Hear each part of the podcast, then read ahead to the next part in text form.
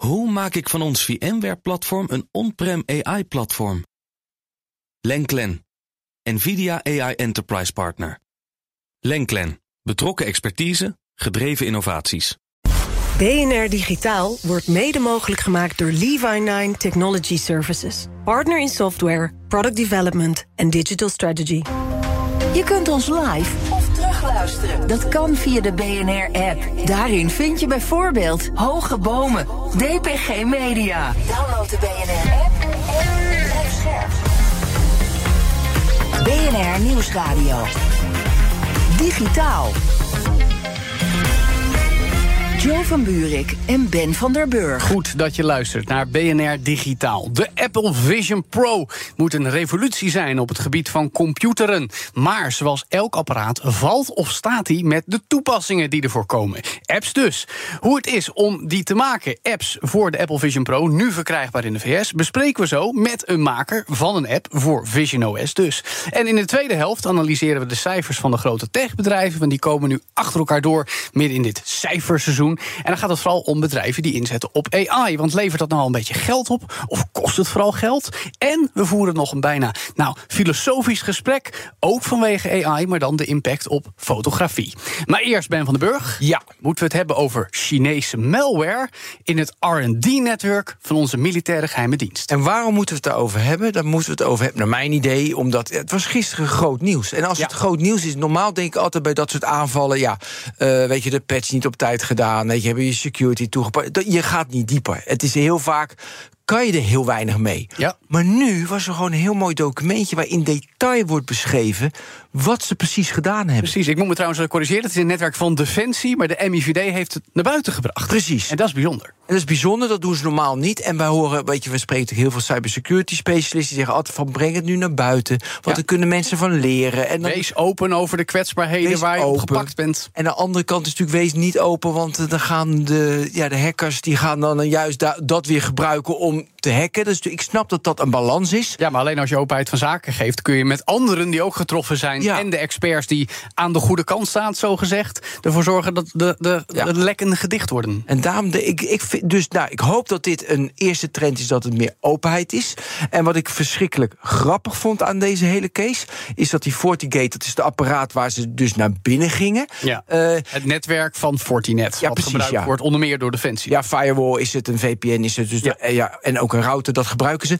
En eh, dus daar waren ze binnengekomen. En dat vond ik, we- dat vond ik grappig. Dat heeft een Chinese founder. En dan gingen ze natuurlijk, die Chinezen zitten erachter. Maar dat is natuurlijk, kijk, dat heeft waarschijnlijk, dus die is gewoon naar Amerika verhuisd. Die heeft waarschijnlijk niks meer met China te maken.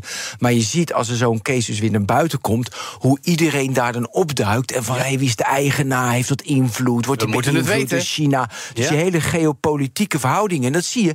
Dit wordt, is weer een voorbeeld dat geopolitiek zich bemoeit met big tech natuurlijk, met hele, met hele te- technologie en waar de macht ook zit. Ja. En nu dus bij de MIVD. Ja, want en wij, het feit wij dat hebben het. uiteraard zou ik bijna zeggen... China ontkent dat ze dit vanuit overheidsbemoeienis zo hebben gedaan... die malware laten Ja, planten door dat hackers. Hm. is natuurlijk wel logisch, maar je kan heel vaak aan de sporen die ze nalaten, waar die malware, hoe dat precies eruit ziet, dan kan je heel vaak wel terugbrengen naar dus waar het zit. Ja. En dat brengen ze echt niet zomaar naar buiten. Dan is het echt China. Ja, nee, het is toch wel weer interessant, hè, dat cybersecurity nu weer... Nee, maar zie je, dat, maar dat is juist het fijne. Want Ja. het, het blijft heel vaak hangen in de clichés van eh, voer. eh, We moeten het doen, het is gemeengoed. ja, en voer regelmatig risicoanalyses uit op je devices. Is ook belangrijk. En je patches, weet je. wel. En nou, de, de, altijd clichés. Maar dit, dus dit moeten ze vaker doen. Fantastisch. Ja, nu wordt het weer sexy, wil ik bijna zeggen. ja Mag- spannend ook. Spannend, dat is het juiste Ja, woord als het gaat om cybersecurity. de Chinezen komen. Spannend, ja, in de, via de digitale snelweg. Joe van Buurik en Ben van der Dan Burg. gaan we het hebben over een heel ander soort digitale snelweg. Namelijk die in eh, spatial computing. Want de Apple Vision Pro is hier. Nou ja, niet letterlijk, maar hij is wel gelanceerd in Amerika. En hoewel ondersteuning voor belangrijke apps zoals Netflix en YouTube nog ontbreekt, benadrukt Apple zelf wel graag welke 600 plus apps er wel zijn voor het nieuwe besturingssysteem Vision OS. Waaronder de app Navi, een app die real-time ondertitelt en vertaalt. Maar hoe maak je nou zoiets? Nou, dat vragen we aan de de maker van die app. Jordi Bruin, zelfstandig appontwikkelaar bij Good News. Hier vaker te gast geweest. En nu weer. Welkom, Jordi. Hey, goedemiddag. Leuk Goed dat dat je er bent. Ja, welkom. Ehm, nou, jouw app Navi was er al voor andere Apple-systemen, moet ik Mhm. erbij zeggen. Was dit dan gewoon een kwestie van even simpel overzetten naar Vision OS? Ja, dit was niet een kwestie van eh, twee dagen werk. Ik ben de afgelopen zes maanden wel mee bezig geweest. Toch wel Ehm, zoveel. En dat is niet per se dan omdat het heel moeilijk was om het over te zetten, maar meer omdat het, je, je hebt gewoon geen referentiekader voor hoe je iets maakt wat in je eigen wereld leeft. Eh, met je context, je doet die bril op en je ziet de echte wereld en dan kun je je app daarop leggen. Ja. Ehm, ja, als je dan een ondertiteling bijvoorbeeld over iemand heen legt, ja, hoe wil je dat, is dat fijn als dat dan over iemand zijn gezicht zit? Hoe groot moet dat zijn? Hoe moet het bewegen? Of moet het een balkje zijn, zoals wanneer je tv kijkt? Precies, wat voor achtergrondkleur, gewoon hele basic dingen. Ja, ja dat, er zit gewoon heel veel experimenteerwerk in. En ehm, het is ook gewoon lastig voor te stellen omdat er geen referentiekaders zijn. Je hebt niks wat je, waar je naar kan kijken, want het bestaat nog niet. Ja. Ehm, dus toen hij in juni werd aangekondigd, toen was het heel erg van: oké, kan dit überhaupt? Weet je, is, kan die techniek überhaupt? Gaat het goed werken? Is de microfoon goed? Ja. Ehm, en dan is het ook een kwestie van: oké, werkt het idee in je hoofd, maar werkt het dan ook op het apparaat? En ehm, nou, dat is, dat is waar het meeste werk in is gegaan. Ja. Ja, wat was het eerste idee in je hoofd met die vertaling? Om mee te gaan maken, broer? Nou, dus, dus, dus die tekst, waar die tekst staat, om die vertaling gelijk te Na, hebben. in de eerste instantie. Wat, wat vroeger het nadeel was met dit soort systemen, is dat je echt een 3D-artist moest zijn. Je moest 3D-objecten kunnen maken. En nu is dat een stuk makkelijker. Dus het was sowieso heel makkelijk om een eerste versie werkend te krijgen. waar ik gewoon mee kon experimenteren. Het was eigenlijk alsof ik mijn iPhone-app pak, maar dan in de echte wereld gooi. Ja. En de eerste versie zag er best wel grijs uit. Gewoon een soort standaard kleur. Maar dat, dat gaf niet echt veel karakter. Ook bijvoorbeeld als je met twee mensen praat, wil je misschien dat één iemand een bepaalde kleur heeft, iemand anders een ander. Ehm, dus de eerste versie was heel erg, oké, hoe groot moet tekst überhaupt zijn? Ehm, allemaal dat soort basic dingen die dan heel mooi eruit zien als je het in de, in de zogenaamde simulator op je computer probeert. Ja, met een software development kit hè, die Apple dan Precies. levert. Ja. En, en eh, toen heeft Apple op een gegeven moment een soort labs gedaan door het, door het jaar, waar je dus eh, als ontwikkelaar naartoe kon. En dan kon je ermee mee spelen, zeg maar. En dan kon je het op het apparaat proberen. En dan zie je gewoon, oh, ja, dit werkt totaal niet. Ik moet het heel anders doen. Of ik moet misschien deze aanpak Ja, doen. en wat werkte niet, wat je toen hebt, Ehm, aangepast? Nou, een groot ding was dat ik de, de microfoon gebruikte die op de, de Vision zat. Alleen die is heel erg gericht op de gebruiker die hem op heeft. Ja, ja. niet op dingen van niet- buitenaf. Nee, dus Ja. als wij dan een gesprek hebben, dan pikt hij dat expres niet op, omdat hij eigenlijk een soort noise cancelling doet op de buitenwereld. Ah, ja. Ehm, dus daar moest ik een aantal slimme dingen voor bedenken. Dus eh, het werkt van dichtbij, maar als je ver weg bent, dan kan iemand met een ander apparaat verbinden en dan gebruik je de, de microfoon van die iPhone bijvoorbeeld. Ja. Maar dat is toch interessant, hè? Want het is eigenlijk onontgonnen gebied. Ik bedoel, ja, Apple noemt het spatial computing. We hebben natuurlijk al reviews gelezen, gehoord van eh, Amerikaanse techjournalisten die zeggen: ja, eigenlijk is het toch virtual reality, maar dan wel heel erg goed. Maar dan nog, at the end of the day, je hebt het over apps die je niet meer op een scherm eh, in je hand hebt. Zelfs niet op een scherm op je bureau, maar rechtstreeks voor je ogen, geprojecteerd over de echte wereld heen. Of in ieder geval het beeld dat jij ziet. Dat vereist dus ook als maker van apps een heel andere benadering van hoe zie je dit en hoe interacteer je hiermee. Ja, hoe- Is het dan als maker misschien nog wel een grotere revolutie dan om het ding als gebruiker te gebruiken? Dat denk ik niet zozeer, omdat je dus heel veel dingen kan hergebruiken. Ja. Eh, afgelopen paar Dus jaar. de code bedoel je? Dus Ja, het en is dan- meer de interactie waar je moeite mee hebt dan? Ja, omdat zeg maar, de afgelopen jaren heeft Apple allemaal technieken gemaakt om het makkelijk te maken om apps te maken. Dat werkt allemaal in één keer ook op de Vision. Mhm. Ehm, maar nu gaat het veel meer over van oké, wat voor interactie wil je überhaupt hebben als je in de echte wereld iets wil doen? Ja. Dus ik weet de eerste week, toen was ik heel erg met mijn telefoon ging die nog voor me houden en dan door mijn huis lopen en dan doen alsof mijn iPhone dan een scherm was die dan, zo Pro hing. ja, ja. dat was jouw minimal viable product. voor Precies, deze om gewoon een beetje te testen. En, ehm, en ik denk dat het pas nu, nu, ze echt, nu die echt in handen is van mensen, dat, dat je echt goede ideeën gaat krijgen. Omdat tot die tijd was het gewoon heel moeilijk om in te beelden hoe het in je leven zou passen. Zeg maar. Maar nog even de, voor de duidelijkheid. Ik heb de Navi, eh, dus ik heb die Navi-app in de Vision Pro op. Eh, ik, ik praat in het Spaans of in het Nederlands. En dan wordt het, of jij, jij dus. Ja. En het wordt vertaald door mij in klein in beeld. Ja, dus stel jij zou Spaans praten, dan zou ik het nu als ondertiteling in het Nederlands zien. Of in het Engels. Ja. En dan kan ik het ook in het Engels nog horen, als ik zou willen. Precies. Dus dan is het eigenlijk gewoon Dat alsof even een... duidelijk is welke app het is. Ja. Ik, eh, dus ik hoef hem niet op te hebben. Het is meer, ik loop op straat, iemand spreekt Spaans... en Precies. ik hoor het dan in het Engels of in het Nederlands enzovoort. Precies, maar ja, normaal gesproken heb je een gesprek met z'n tweeën. Dus dan wil je ook dat die ander jou weer kan verstaan. Dus daar zitten ook weer ingewikkelde dingen. Ehm, hoe gaat het doen als de ene een bril op heeft, de ander niet? Dus Ja. er zitten heel veel uit. Even een doorvraag op eh, de, de app Navi, want die bestaat Ja. dus al iets langer dan de Apple Vision Pro. Eh, eh, is dat op machine learning gebaseerd? Hoe, hoe werkt dat dat live vertaald wordt? Is dat heel Het is ingewikkeld? gewoon een hele makkelijke vertaal-API waar de ene tekst heen gaat. En ik gebruik DeepL. Ja, oké, dus dat is wel een vorm van artificial intelligence, zou ik maar zeggen. Ja, maar het, in theorie is het gewoon een vertaaldienst die erachter zit. En het is allemaal mooi aan elkaar verbonden, maar Ja. Er zit wat AI, zou je kunnen zeggen, maar het is niet een, op eigen. Ik zou Ja. het niet als een AI-app. En jij bent natuurlijk de maker van de app zelf, maar toevallig heeft Samsung met zijn nieuwe telefoon iets vergelijkbaars gelanceerd. Mm. Hoe accuraat is eh, Navi wat dat betreft? Als bijvoorbeeld het voorbeeld van Spaans naar Engels? Nou, wat natuurlijk het lastige is, is als je een gesprek voert. Terwijl je de zin aan het zeggen bent, kan de context soms veranderen. En dan, als dan de vertaling gedaan wordt, krijg je soms dat, eh, dat de vertaling halverwege de zin aanpast, omdat er meer context binnenkomt. Oh ja. Dus het is, als je rustig praat, is het op zich een eh, goede vertaling. En je moet het ook niet zien als een. Ik ga een gesprek van twee uur hebben in een podcast, super hard, super snel. Eh, het verschil is: oké, ik kan helemaal niet met deze persoon praten, of ik kan wel met deze persoon praten, maar rustig aan. Ja. Ehm, en dus waar nu voor mij de uitdaging zit, is hoe ik kan zorgen dat het makkelijk leest en dat het niet continu verspringt en dat soort dingen. Ja, ja. Ehm, maar dat is, dat is ook een ding die. Het is gewoon trial and error, veel dingetjes proberen. Ja, precies. eh, En wat is dan de nieuwe use case, zogezegd, met de Apple Vision Pro? Is het, eh, stel je voor, nou, dit is vooral op de werkvloer... en ik heb Mm. een collega die komt over vanuit Spanje... dus ik zet het ding op en dan kan ik met hem praten... eh, terwijl hij in zijn eigen nou ja, taal Na- praat. Navi kwam in eerste instantie was het bedoeld voor mensen die ehm, eh, doof of slechthorend waren. Dus dat het eigenlijk gewoon ondertiteling voor de normale wereld is. Ja. Ehm, vanaf daar is het linkje naar de vertaling doen niet zo heel ver natuurlijk. En Mhm. maakt het ook toepasselijk. Ik, ik ben niet zelf niet doof of slechthorend. Dus dan is het voor mij ook bruikbaarder. Dat helpt vaak voor mij ook wel om dan echt iets te maken wat goed is, omdat ik dan zelf een, een use case ervoor heb. Ehm, in eerste instantie was Navi eh, voor FaceTime, dus dat je via FaceTime ondertiteling kon krijgen. Ehm, dus ik ben nu wel een beetje aan het zoeken van, oké, wat wordt dan nu die vorm? Want ik zie nog niet echt dat mensen die bril komende jaar echt op gaan doen. En, eh, dus het is ook gewoon een beetje een soort experimenteerding van, oké, waar kan deze technologie naartoe gaan? Ehm, en hoe makkelijk is het om dit soort dingen te bedenken? Want het is nu voor mij bij wijze van spreken een week werk om iets anders te maken wat hierop lijkt, wat een andere soort toepassing heeft, omdat ik gewoon zoveel heb kunnen leren ook hiervan. Ja. Ehm, dus ja, wat dat betreft is Navi, naast dat het gewoon heel leuk is, omdat er heel veel uitdagingen zitten technisch, is het ook gewoon een, een mooi ding om ehm, ja, te begrijpen wat spatial computing kan zijn en wat het moet zijn. Ja, dat is Maar- ook wel interessant, hè? Ja, het is wel want ze hebben 600 nu apps in de Vision Pro. De Navi is er dan één van. Dan denk ik, en jij laat het nu echt voorkomen. Dat is een experimentje. Misschien wordt het niks. Ik laat het komen.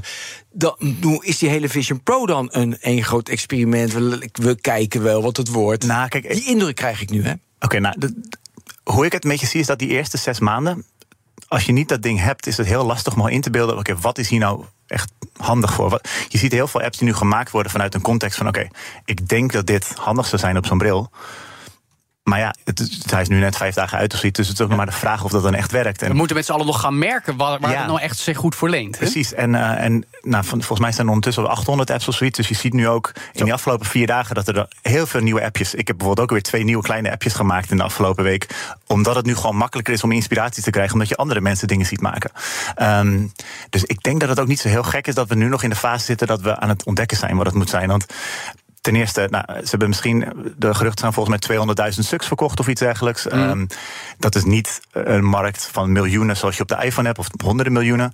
Ehm, het is natuurlijk wel een doelgroep die veel geld heeft, want ze hebben net 3500 dollar plus voor zo'n ding betaald. Ja. Ehm, dus ja, wat, waar ga je nu je geld mee kunnen verdienen? Ga je, ga je nu een app kunnen maken? Ga je daar 20 euro voor kunnen vragen? Moet je ze goedkoop maken? Moet je advertenties? Weet je, dat soort dingen. Ja. Dat- het is nog niet echt duidelijk hoe je dat zou moeten aanpakken. Dus daarom denk ik ook dat wat van die grotere partijen misschien nog even aan het uitzoeken zijn. Ja. Wat de moeite Ja, hoe precies? Maar dat vind ik, ik hoor jou meer interessante dingen zeggen. Als eerste zeg je net, ja, ik heb afgelopen week even twee appjes gemaakt. Dat is dus best wel makkelijk voor Vision OS. dan. Nou, kijk, omdat, omdat het dus heel erg gebaseerd is op, op, op de basis waar ik de afgelopen vijf, zes jaar mee heb gewerkt, is het. Ja, ja. Nou, ge- ja je- je Maar noem eens een app en wat, dus wat je had, hoe, hoeveel uur dat dan kostte. Oké, nou, ehm, ik heb een app gemaakt die de camera van je telefoon live naar je vision doet. Dus dan kun je bijvoorbeeld je telefoon leg je als babymonitor in de slaapkamer. En je doet je vision op en dan kun je gewoon altijd naar rechts kijken en dan zie je hoe het gaat met je baby. Zonder dat je een baby. Dat was.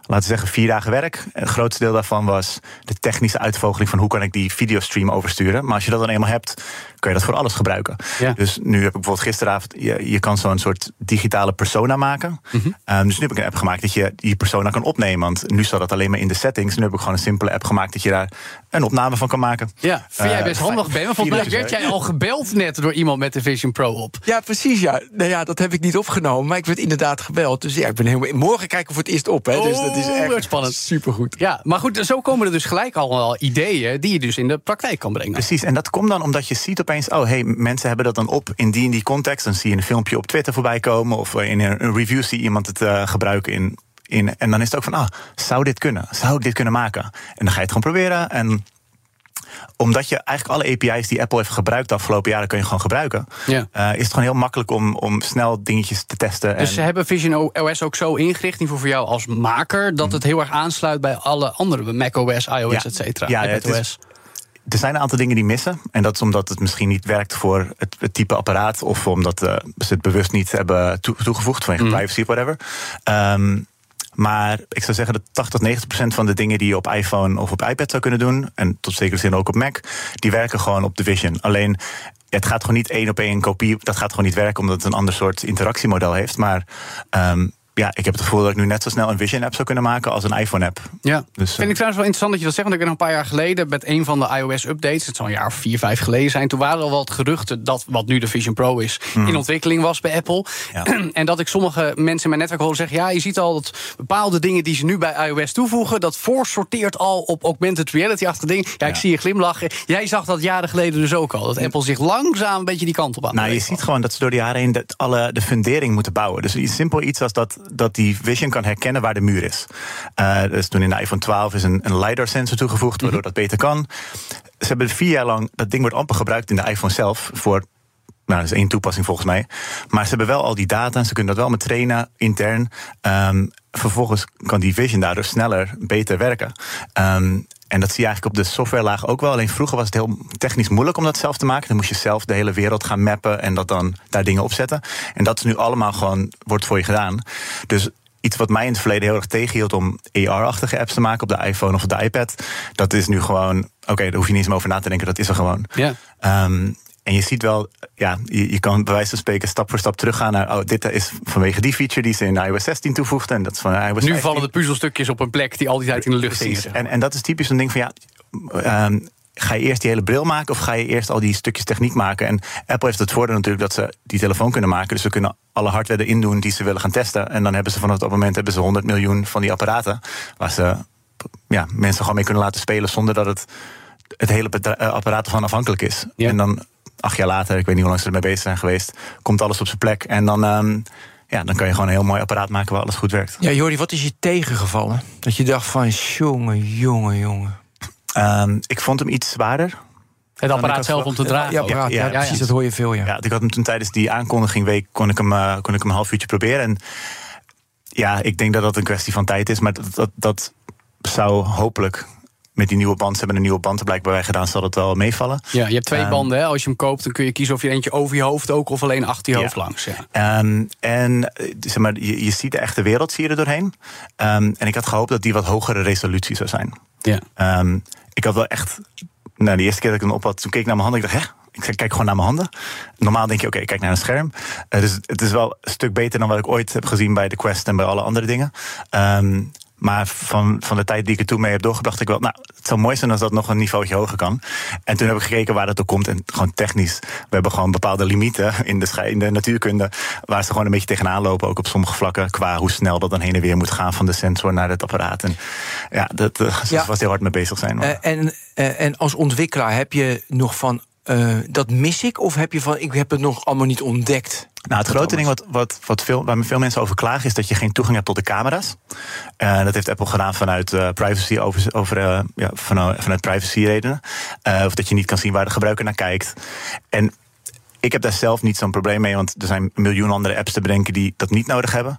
Um, ik denk dat het voor de, voor de, de de lange termijn nodig is om dat soort dingen te hebben. Maar dat het goed is om daar nu eventjes rustig aan te doen. Want je ziet dat het nu al heel moeilijk is om, om in te beelden hoe mensen dit gaan gebruiken. Dus ik denk dat, dat, ze, dat ze daar eh, goed aan doen om daar eventjes een, stapje terug te doen en niet, niet te veel te geven. Yeah. Um, maar ja, ik, zoals ik zei, het, het, is nog zo nieuw dat je bent nog niet echt de grenzen tegengekomen. Het zou gek zijn als je nu in week 1 al tegen de limiet aan bent gelopen van zo'n apparaat waar ze zo lang aan hebben gewerkt. Ja. Um, en ik denk dat we daar echt nog lang niet zijn. Maar het is toch interessant, juist ook om jou kijken als maker te horen. Hè? Want we hebben natuurlijk verschillende reviews van uh, techjournalisten, van analisten, van ook de eerste mensen die hem als consument hebben tot ons genomen. Uh, de mooiste vond ik, uh, wil ik even aanhalen, Ben, van Ben Thompson. Die al meermaals heeft gezegd: ja, de Vision Pro moet voor Apple de toekomst van de Mac worden. Maar hij vulde zichzelf aan nu hij zelf een Vision eh, Pro heeft. Hij zei alleen als Apple softwareontwikkeling nog meer opengooit. Hij zei de Mac is altijd gecategoriseerd of gekenmerkt door dat je daar veel meer vrijheid hebt als appmaker. Bij iOS is dat anders, een ander verhaal.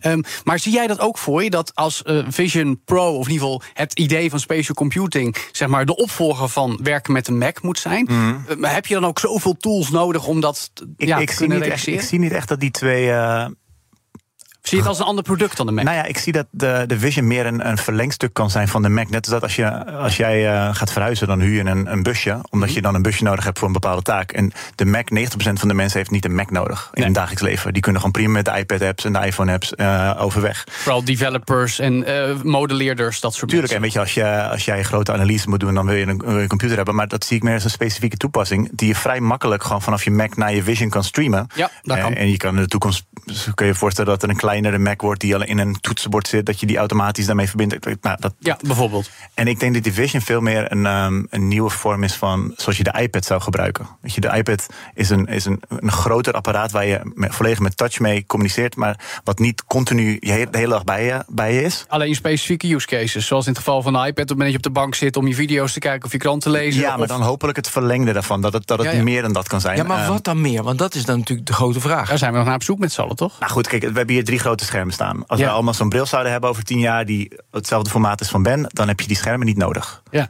Gewoon simpel. Ja. Mooi ook dat je het Ja. formaat van Bent eh, echt Zijn een bril bril. aanhaalt, Ja. terecht. Nee, nee, maar gewoon, gewoon ja, ja, dat, dat, zeker. soort- dat, Ja. eh, dat is een heel praktisch iets. Ehm, ik, ik vind het zelf ook nog lastig om echt in te beelden hoe het in je. want je gaat dat zo'n ding, je gaat het niet de hele dag nog dragen. Nee. Eh, en het heeft helemaal geen nut als ik hier nu bij BNR binnenloop. Hier is helemaal niks wat ik dan met AR kan, kan toevoegen, zeg maar. Dus dan zou je hem gewoon afdoen. Ehm, maar bijvoorbeeld iets wat ik deze week hopelijk af te, af te maken is... ik heb een app gemaakt dat ik mijn lampen in mijn huis gewoon kan besturen... door gewoon naar mijn lampen te kijken. En dan, dan doe je die tab en dan gaat die aan. Oh, Ja, dat is wel handig als je die film al hebt opgestart en dan denkt, oh wacht eventjes die lamp uit. Precies, dus, dus Ja. dat is typisch zo'n ding dat je denkt... oké, wat, wat, wat kan je dan als alles in, de, in je kamer gewoon digitaal zou zijn? Als je alles kan aanraken op afstand. Ja, dus je moet eigenlijk een beetje om je heen kijken. Alles wat je ziet, wat als dat niet fysieke dingen zijn, maar digitale, wat zou ik daar dan nu. Nou, er zit daar een camera. Nou, misschien zou ik daar nu op willen klikken en dan zou ik de, de preview willen zien van wat die camera ziet. Ja. En als dat straks met alles kan, omdat het allemaal zo verbonden is met elkaar.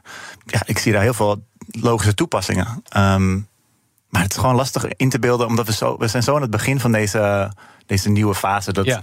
ja, ik, ik denk dat het. eh, dat naïef is om nu te zeggen van oh, dit gaat het wel en dit gaat het niet worden. Dat Is, weten we is, gewoon nooit. is deze periode voor jou te vergelijken met een ander moment dat er net een nieuw hardwareproduct was? Een iPhone is het al een tijd geleden, was Nou, een stuk jonger, denk ik. Maar, Ik, ik, was, ik begon pas met programmeren rond de tijd van de Apple Watch. Ja, was ik aan denken, voelt, joh. voelt- voelt het hetzelfde of nog? Ja. nou, dit Hij voelt, ging naar, want, ja, want hij ging naar Duitsland, heeft hij hem opgehaald, was hij bij RTL als eerste. Apple Watch is zijn, is zijn debuut, denk dat ik. was jouw ja, eerste maar moment. Dit is wel de eerste waar ik het echt bewust meemaak. En ook veel meer nu mijn eigen bedrijf heb met, met goedlopende apps. En Ja. moet gaan nadenken vanuit business perspectief. en Dat soort dingen. Al Maar- die saaie dingen. Maar eh, ondertussen ben ik gewoon alleen maar leuke dingen aan het maken. Dus dat komt helemaal goed. Maar Ja, precies. ehm, ja, hier ben je, je merkt wel dat je echt hier aan een soort van. eh, de, de voorgrond staat van, oké, wat, wat zou dit kunnen zijn? En dat je daar ook invloed op kan hebben. Ja. Want nou, mijn app was dan genoemd in wat, in wat dingen van Apple. Ja, in een blogpost. Nou, Heel dan mooi. ga- Dan, gaan mensen dan denken, oh hey, dit zou je hiermee kunnen doen. Dus uh, als ik iets anders had bedacht, dan had ik misschien op een andere manier mensen geïnspireerd. Of, Ja. ehm, eh, en het is gewoon heel gaaf om erbij te zijn vanaf het begin. En dat ook een beetje te kunnen sturen. Want ze zijn natuurlijk ook wel benieuwd naar feedback. En ze gaan nu heel erg kijken, oké, hoe gaan de eerste mensen het gebruiken? Ja. Eh, nou, ik zeg niet dat ik een of ander briljant idee heb. Maar stel ik zou een briljant idee hebben, dan zou dat best wel een soort van iets waar andere apps naar zouden gaan kijken. Ja. Oké, wat, wat, En zo ga je als ontwikkelaarscommunity elkaar ook weer eh, inspireren. Precies, bijvoorbeeld toen de iPhone uitkwam, toen was er iemand die had een app gemaakt voor Twitter. En die had toen pull to refresh, dat je naar beneden trekt. Ja. Dat, die had hij gewoon in zijn eigen app gemaakt. En dat is nu een patroon wat je overal op alle, in elke app ziet. En dat is je einddoel natuurlijk, hè? Dat je zo... Om, zo'n uitvinding... grote Ja, precies. Nou, goed. Nou ja. Mocht je hem eenmaal hebben, Jordi, Ja, dan dat- moet je je even melden. Sowieso moet je- Dan ik voor vlak voordat je die app gepubliceerd hebt, dan willen wij als eerste het hele verhaal Helemaal goed. Hier. Dus dankjewel, Jordi Bruin, zelfstandig appontwikkelaar van de app Navi voor Apple-systemen. Ook voor de Vision Pro dus eh, bij Good Snooze. Dankjewel. Na de break praten we over wat AI nou werkelijk oplevert in financiële zin. Of dat het misschien juist heel veel geld kost bij bedrijven. En we hebben het over de impact van AI op de wereld van foto's. Want die is merkbaar. En dus gaan we daar ook uitgebreid over praten. Dus blijf luisteren. BNR Digitaal wordt mede mogelijk gemaakt door Levi9 Technology Services. Partner in software, product development en digital strategy. Nieuwsradio. Digitaal. Joe van Buurik en Ben van der Burg. Welkom terug bij BNR Digitaal. Fotografie is niet alleen maar vastleggen wat je zelf ziet. Sterker nog, eigenlijk is dat nooit echt geweest. Maar het bewerken van beelden, zoals foto's, is nu wel heel gemakkelijk geworden met AI, zelfs in je broekzak. Hoe moeten we daar nou naar kijken? Maar eerst, we zitten midden in het kwartaalcijferseizoen en dus ook bij de techbedrijven. En zes van die zeven Magnificent Seven uit de Amerikaanse beurslijsten presenteerden hun resultaten al. Dat is voor ons een mooie gelegenheid om de balans op te maken. Want vooral met de vraag hoe de techwereld er nou voor staat na die onvervalste AI-hype van 2023. Dus gaan we praten met Jordi Beuving, beursanalist bij de aandeelhouder en nu op afstand bij ons. Welkom Jordi. Goedemiddag Joe. Hey, um, die cijfers he, van de grote techbedrijven, waaronder een deel van de Magnificent Seven, zes daarvan, uh, zijn al binnen. Waar zaten de grootste verrassingen tot nu toe voor jou? Ja, de belangrijkste moet natuurlijk nog komen. Dat is Nvidia, die komt over twee weken. Uh, ja, de andere cijfers die zijn afgelopen weken allemaal binnengekomen. Uh, nou, grote verrassingen. Uh, wat heel erg opvalt, is hoe snel het gaat met AI. als je ziet hoe dat in vergelijking met een jaar eerder... Ja, is het eigenlijk allemaal een beetje begonnen. En als je dat nu ziet, hè, bijvoorbeeld de Microsoft... die kwantificeren nu echt gewoon al heel duidelijk van... nou, x procent van de groei komt door AI. Ja, dat is wel echt uh, heel spectaculair om te zien. Ja, maar dan ga ik je toch even tegenhouden slash aanvullen. Want inderdaad, zoveel groei. Mm -hmm. Maar we horen niet, zoveel geld verdienen we met AI. Waarom zijn ze daar dan zo terughoudend over? Nou, kijk wat het is met AI. Het gaat in principe in het begin om investeren, investeren, investeren. Dat doen al die grote techbedrijven ook massaal. Hè. Ze gooien voor het komende jaar gooien ze ook allemaal de capex, oftewel de investeringsbudgetten, gooien ze omhoog. Om uiteindelijk daar de vruchten van te kunnen plukken. Maar je ziet wel dat dat uh, begint. Hè. Microsoft geeft aan 6% van de groei binnen Azure komt gewoon vanwege AI. Dat is gewoon omzet die binnenkomt. Uh, Google geeft het ook aan. Uh, 70% van de ja, cloud klanten zijn Gen AI unicorns, oftewel startups met een waardering van meer dan een miljard, die gaan allemaal naar Google toe. Dus je ziet, ja, ondanks dat het misschien in geld niet gekwantificeerd wordt, zie je echt wel heel duidelijk ja, de positieve impact daarvan. Ja, maar kan je niet zeggen, want Azure zeggen ze 6% is AI. Wat dan worden? Want kijk, dat Azure, je neemt het af en uh, je betaalt per gebruik. En je betaalt als een extra service uh, op Azure, uh, dus extra gebruikt. Hebben ze dat gekwantificeerd van dat het daadwerkelijk AI is? Want voor mij is dit ook weer een beetje PR, AI-groei, dat iedereen erin gelooft. Of hebben ze het wel gekwantificeerd? Nou ja, wat, wat ze zeggen is 6% van de Azure cloudgroei komt door AI. Nou, als je ook naar de website van Microsoft gaat, dan zie je ook gewoon een webpagina met nou, AI-services binnen Azure. En het gaat van uh, ja, Microsoft Azure Translator tot aan andere modellen waar bedrijven zelf op kunnen verder bouwen, om het zo maar te zeggen. Hè. Uh, ja, al die vraag, al die omzet die met die services en diensten wordt binnengehaald, uh, ja, dat is die 6% van het totaal. En ja, dat is best wel significant al. Ja. Een kwartaal eerder was dat volgens mij 2 of 3% uit mijn hoofd. Dus ja, dat uh, is inmiddels verdubbeld. Dus dat gaat, ja, gaat snel. Nu is het ding wel een beetje, hè, je kan zeggen, nou, de, de, de cloud draait harder door AI. Dat horen we dus eigenlijk. Nu weten we ook, dat is niet zo'n beetje ook, want voor AI-toepassing is ontzettend veel energie nodig. Dus dat betekent ook hogere kosten. Weten we ook of bijvoorbeeld Microsoft en Google en wie dan nog meer... die kosten ook kunnen doorberekenen aan hun klanten... of dat dat ook voor hunzelf ja, extra investeringen zijn... om überhaupt die AI-technologie te kunnen faciliteren? Uh, ja, goede vraag. Uh, kijk, uh, dat klopt helemaal wat je zegt. Hè. Die kosten zeker nu, omdat er in ja, iedereen springt op dat AI. Uh, je ziet het ook bij Nvidia. de vraag blijft helemaal doorgaan. Dus de, wat het is, is dat dat zal deels gewoon door de bedrijven zelf gedragen worden, deels door de klant. Hè. Omdat ja, je wil nu zoveel mogelijk klanten op jouw platform krijgen. Je wil zoveel mogelijk ja, kunnen groeien daarin. Dus ik kan me voorstellen dat dat ja, deels ook door de onderneming zelf gedragen wordt. En ja, dat is denk ik ook heel simpel. Doe je dat niet, uh, ja, dan kom je op een gegeven moment achter te lopen. Gaat de concurrentie ermee vandoor. Dus uh, ja, dat kan op de korte termijn wel wat impact gaan hebben. Maar ja, lijkt me denk ik verder logisch dat het gebeurt. Ja, kun je, kun je iets vertellen over de verhouding CAPEX-investeringen ten opzichte van die, ten opzichte van die omzetgroei? Ja, ja, kijk, wat je heel duidelijk ziet is dat voor dit jaar gewoon... Uh, kijk bijvoorbeeld naar Meta, die zegt... nou, we gaan 2 miljard meer investeren dan eerder werd eh, begroot. Uh, ja, zo is dat eigenlijk bij alle techbedrijven. Die gooien de capex gewoon omhoog om door te kunnen investeren in AI. Ja, goed, de omzet die groeit dit jaar natuurlijk ook behoorlijk. bij Microsoft, bij Alphabet, ja, 15, 16, 17, 18 procent allemaal. Dus dat gaat best wel hard. maar die budgetten worden ook gewoon opwaarts bijgesteld. Ja, nu is het ook een beetje uh, interessant om te kijken naar de wat kleinere techbedrijven. Hè? Dus die niet bij de Magnificent Seven horen. Sterker nog, eigenlijk nog start-ups zijn. Mhm. Of misschien middelgrote techbedrijven. Gespecialiseerd in AI, hè? dan hebben we het over een open AI of kleiner, Perplexity, Anthropic. Die lijken juist, nou, zijn niet beursgenoteerd, maar daar horen we wel dingen over in analyses van, van tech-sites zoals de Information. Dat ze eigenlijk best veel kosten moeten maken en eigenlijk ook niet zoveel omzet halen. En dat investeerders daardoor een beetje voorzichtiger worden. Weet je? Alleen de partijen zoals OpenAI die heel erg op Microsoft kunnen leunen, omdat ze daar een uitgebreide afspraak mee hebben, die hebben dan nog uh, een voordeel. Maar uh, verrast het jou dat zeg maar, die echt in AI gespecialiseerde techbedrijfjes nu een beetje lijken te, te worstelen? Uh, nee, niet echt eerlijk gezegd. Uh, kijk, uh, het is heel simpel. Die kleinere start-ups in de Gen AI-wereld, nou, dat is een kwestie van ja, vechten tegen de grote jongens, om het zo maar te zeggen. ja, die hebben diepere zakken, die kunnen het permitteren om een heleboel kosten te maken, om een heleboel te investeren. Ja, die, kunnen, die hebben wat meer geduld, omdat ze al, ja, ze hebben al omzet uit andere bedrijfsonderdelen. Ja, dat hebben al die start-ups niet, hè. dus daar is het toch een kwestie van ja, investeren, investeren investeren kosten maken. Hopen dat je op een gegeven moment jouw ja, AI iets wat je hebt gebouwd met jouw start-up kunt gaan monetizen. Mhm. Ja, dat kan natuurlijk een stuk langzamer gaan dan gedacht. Wordt soms ook niet. Ja, er wordt wel uh, allerlei dingen worden gebouwd. Maar hoe het daadwerkelijk in de markt wordt gezet, is toch nog een ja, hele klus. Hè? Mhm. Ja, kijk, ook die grote techbedrijven die hebben al miljarden gebruikers, die hebben al een heel ecosysteem, die hebben al hun platformen waar ze op verder kunnen bouwen. Ja, dat hebben een heleboel van die start-ups niet. Ja. dus dat verklaart ook inderdaad het voordeel een beetje van dat OpenAI, dat zich bij Microsoft aansluit. Mm. En je ziet ook dat steeds meer kleinere partijen zelf uh, op zoek gaan om zich aan te sluiten bij zo'n grotere partij.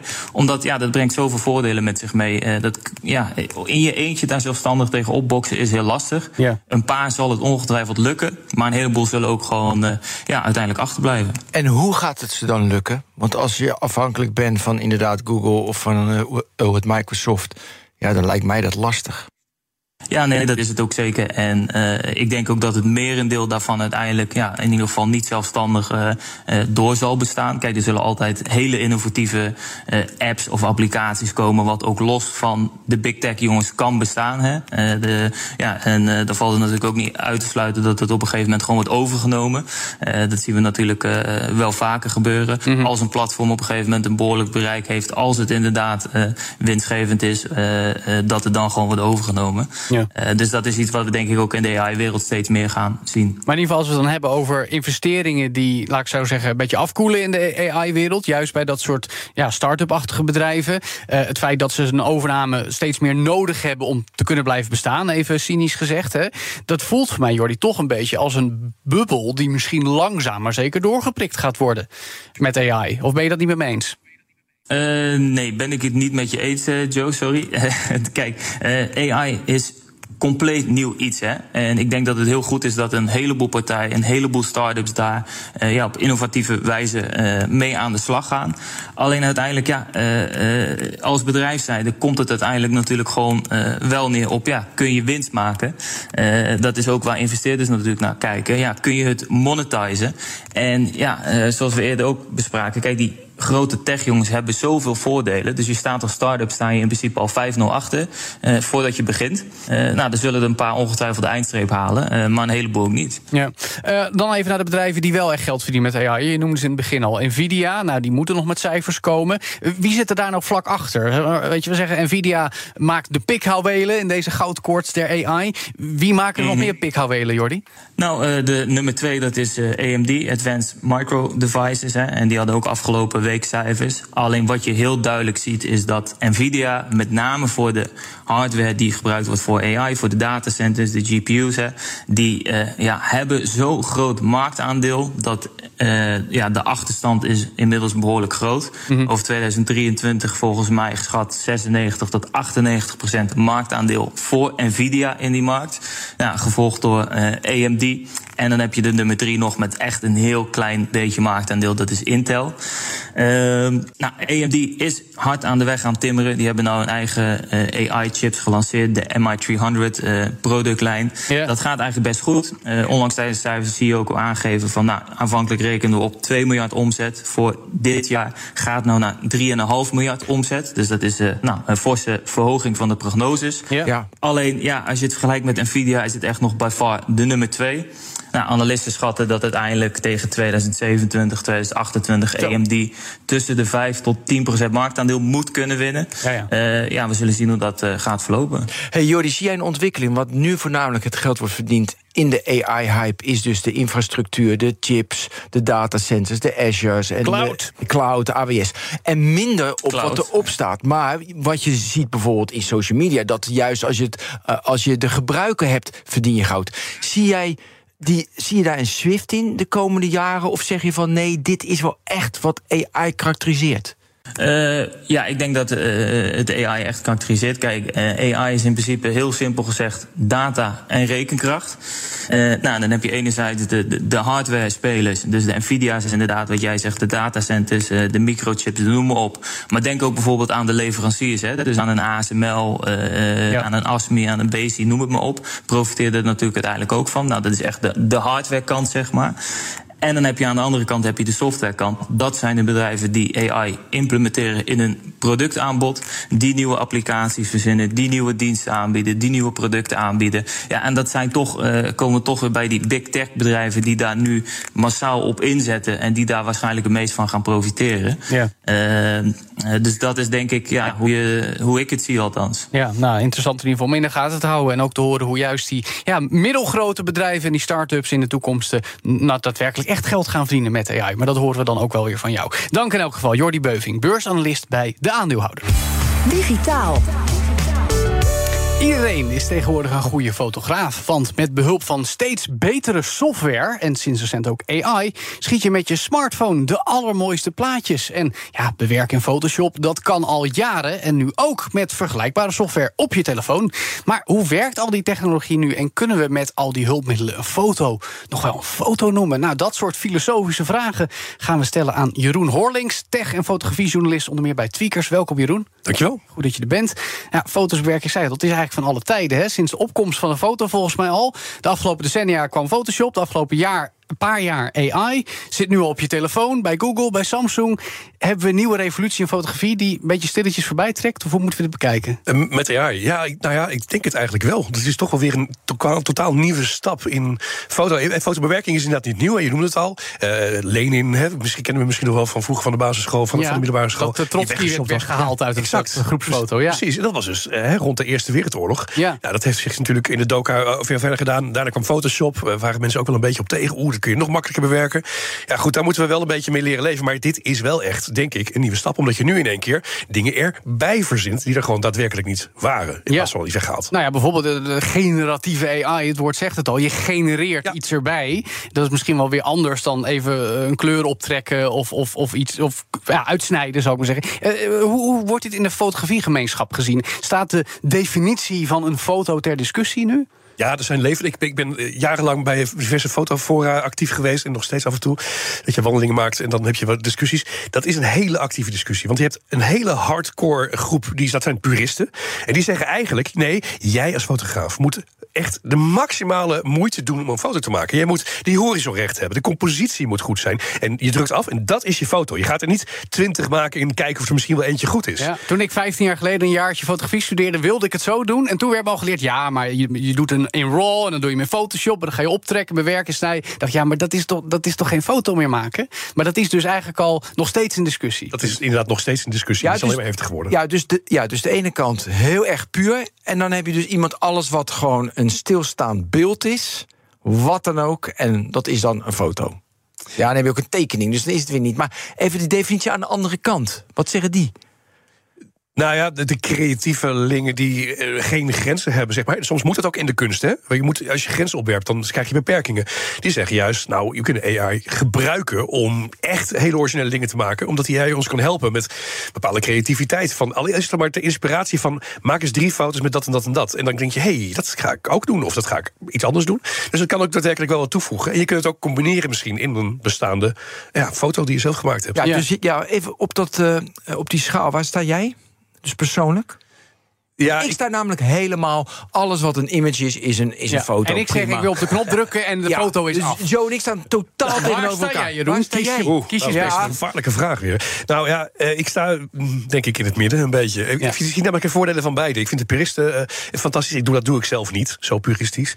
Ik vind het ook heel erg leuk om te experimenteren en nieuwe dingen te omarmen. Ook al zitten daar zeker ook nadelen bij. Ja, maar nu is het interessante. Dat werd afgelopen najaar door Google geïntroduceerd. En Samsung heeft het nu ook op de Galaxy S24. Uh, dat je dus uh, elementen kan verplaatsen. Eigenlijk zoals je dat vroeger dan in Photoshop moest doen. Dat kan nu al in de Foto's-app op je smartphone, van die merken dus.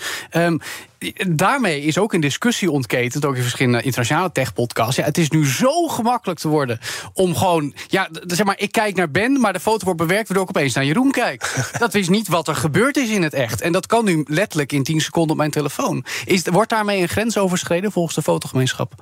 Volgens de fotogemeenschap wel. En vooral dan weer als fotojournalistiek. Hè. Dat ja, maar vooral omdat het zo toegankelijk is geworden. Ja, omdat het heel toegankelijk is. Iedereen, echt letterlijk iedereen kan met uh, drie woorden een foto maken... die er best heel erg goed uitziet. Ja. En dat is natuurlijk ook tegelijk een hele grote bedreiging. En niet alleen voor de fotograaf zelf, maar ook voor bijvoorbeeld netnieuws. Ja, maar ik bedoel, uh, gewoon het, het, maken van die foto aan zich... de, de kunst ervan, die, die is er dan dus nu vanaf, zou ik maar zeggen. Ja, Want je kan alles corrigeren, je kan je alles ja, klopt. aanpassen. Ik zit wel soms te denken over uh, de, de, kunstacademie. Bijna een filosofische discussie dit hoor. Mm, je gaat naar de kunstacademie. Uh, en dat, dat is fantastisch. Maar je ziet het wel als een soort van concurrent voor de toekomst. Dat je als mensen met drie klikken iets kunnen maken. Wat iemand aan de, van de kunstacademie eh, een jaar mee bezig is. Uh, ja, dan is het. Bedoel, eh, dat is dan fotografie, hè? Ja, ja. beeldhouden gemaakt is natuurlijk heel wat anders. Maar dat, is, dat kan een serieuze bedreiging zijn, inderdaad. Ja. Maar heb je niet, Jeroen, heel vaak als ik hele mooie foto's zie, denk ik ja, te veel bewerkt, niet mooi. Zie je een tegenbeweging dat mensen te glad, te gestileerd, te mooi opgemaakt, net niet? Ja, dat zie je zeker. Uh, allereerst omdat het gewoon te is. Dat zie je heel veel reclame. Hè, daar erg ik mijzelf ook aan. Uh, niemand heeft een, een, een, huid die zo glad is dat je er, dat je er vanaf glijdt, bij wijze van spreken. Dus dat, dat is gewoon onrealistisch. En datzelfde geldt voor lichamelijke proporties. Hè, wat je ja? soms, zeker bij vrouwen vaak ziet gebeuren. Maar ze doen het niet voor niks. Dus het moet werken. Dus ja. niet bij jou en bij mij, maar wel werken, anders doen ze het niet. Ja, nee, dat zit wel een, een... Dus we gaan dus naar een samenleving toe waar we dus alles alleen maar gestileerd, gestileerd, gestileerd is. Ja. Ja, en omdat iedereen mooie foto's wil maken, is dat ook de wens van de gebruiker met meer. Je wilt inderdaad uh, ergens staan en een mooie foto voor Instagram. Ja. Dat iedereen zegt: Wauw, dit heb je echt goed gedaan. Maar het, kijk, mooie foto's voor marketing is ook van alle tijden, zou ik zeggen. Ik bedoel, het voorbeeld van uh, Stalin, Lenin en Trotsky haalde je al aan. Maar recenter, vorig jaar zelfs, kwam Samsung met een foto van de maan. Waarvan vervolgens door de internetgemeenschap gezegd werd: Ja, maar dat is helemaal niet met jouw smartphone gemaakt, Samsung. Dus, dus zelfs in de belofte wat jouw telefoon kan doen, gaan we al te ver. Terwijl eigenlijk kan hij het wel een beetje, maar niet op dat niveau. Dus dat maakt de discussie nog diffuser. Ja, zeker. Wat belooft jouw telefoon te doen? En kan dat dan ook echt? En is dat nog oké? Nou ja, in het geval van Samsung inderdaad wordt iets bijverzonnen wat gewoon niet klopt. De maan kreeg ineens hele uh, mooie details. Terwijl normaal in een, bij een gemiddelde amateurfotograaf is die maan gewoon een wit rondje. Ja. En, want het is namelijk ontzettend lastig, technisch gezien, om één foto te maken waarbij zowel het landschap in het donker goed belicht is, als de maan goed belicht is. Het kan wel, maar dan moet je echt heel erg je best doen. En het liefst wil je, uh, bijvoorbeeld uh, met HDR wil je gewoon meerdere foto's achter elkaar maken en die samenvoegen. Want dan kun je het dynamisch bereik verhogen. Nou, dat kan dus die telefoon uh, deels ook, maar in dit geval Um, doet hij niet alleen dat, maar hij plaatst er gewoon een maan bij. Dus die maan zag voor mij ook altijd grofweg hetzelfde uit. Dus ja. dan ga je dingen toevoegen die niet overeenkomen met de werkelijkheid. Nee, maar goed, dan is dus de vraag in hoeverre wordt daar tegenaan gekeken. Want bij Photoshop heb je tegenwoordig de generative fill functie. Waarbij je een foto eigenlijk ja, kan laten afmaken. Of opeens er uh, een rand omheen kan laten maken. Zo van nou, hoe, hoe zou de omgeving eruit zien? Nou, en dan maakt Photoshop daar iets bij wat best overtuigend kan overkomen. Als jij die situatie niet in het echt hebt gezien.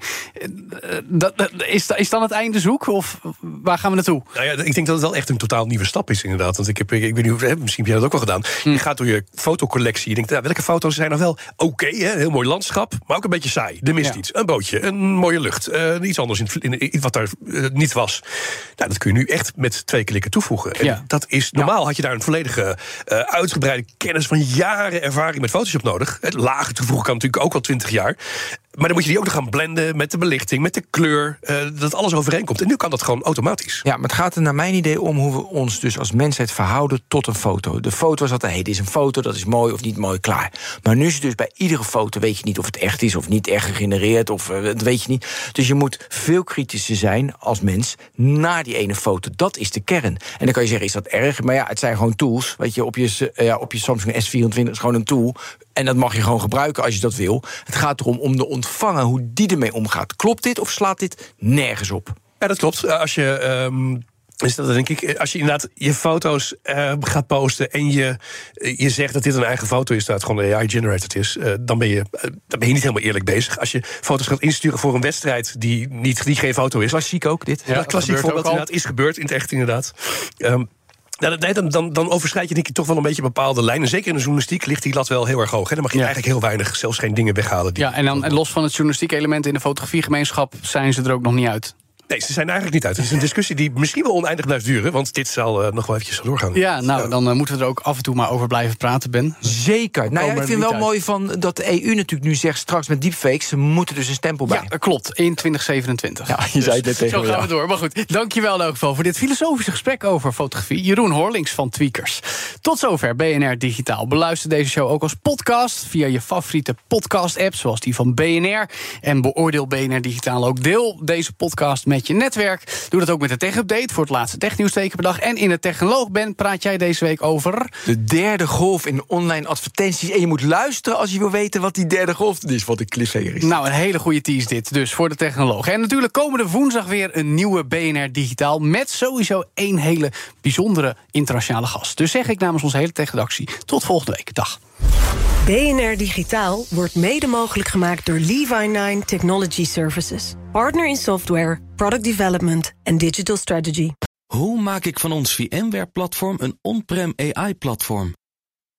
Lenklen, NVIDIA AI Enterprise Partner. Lenklen, betrokken expertise, gedreven innovaties.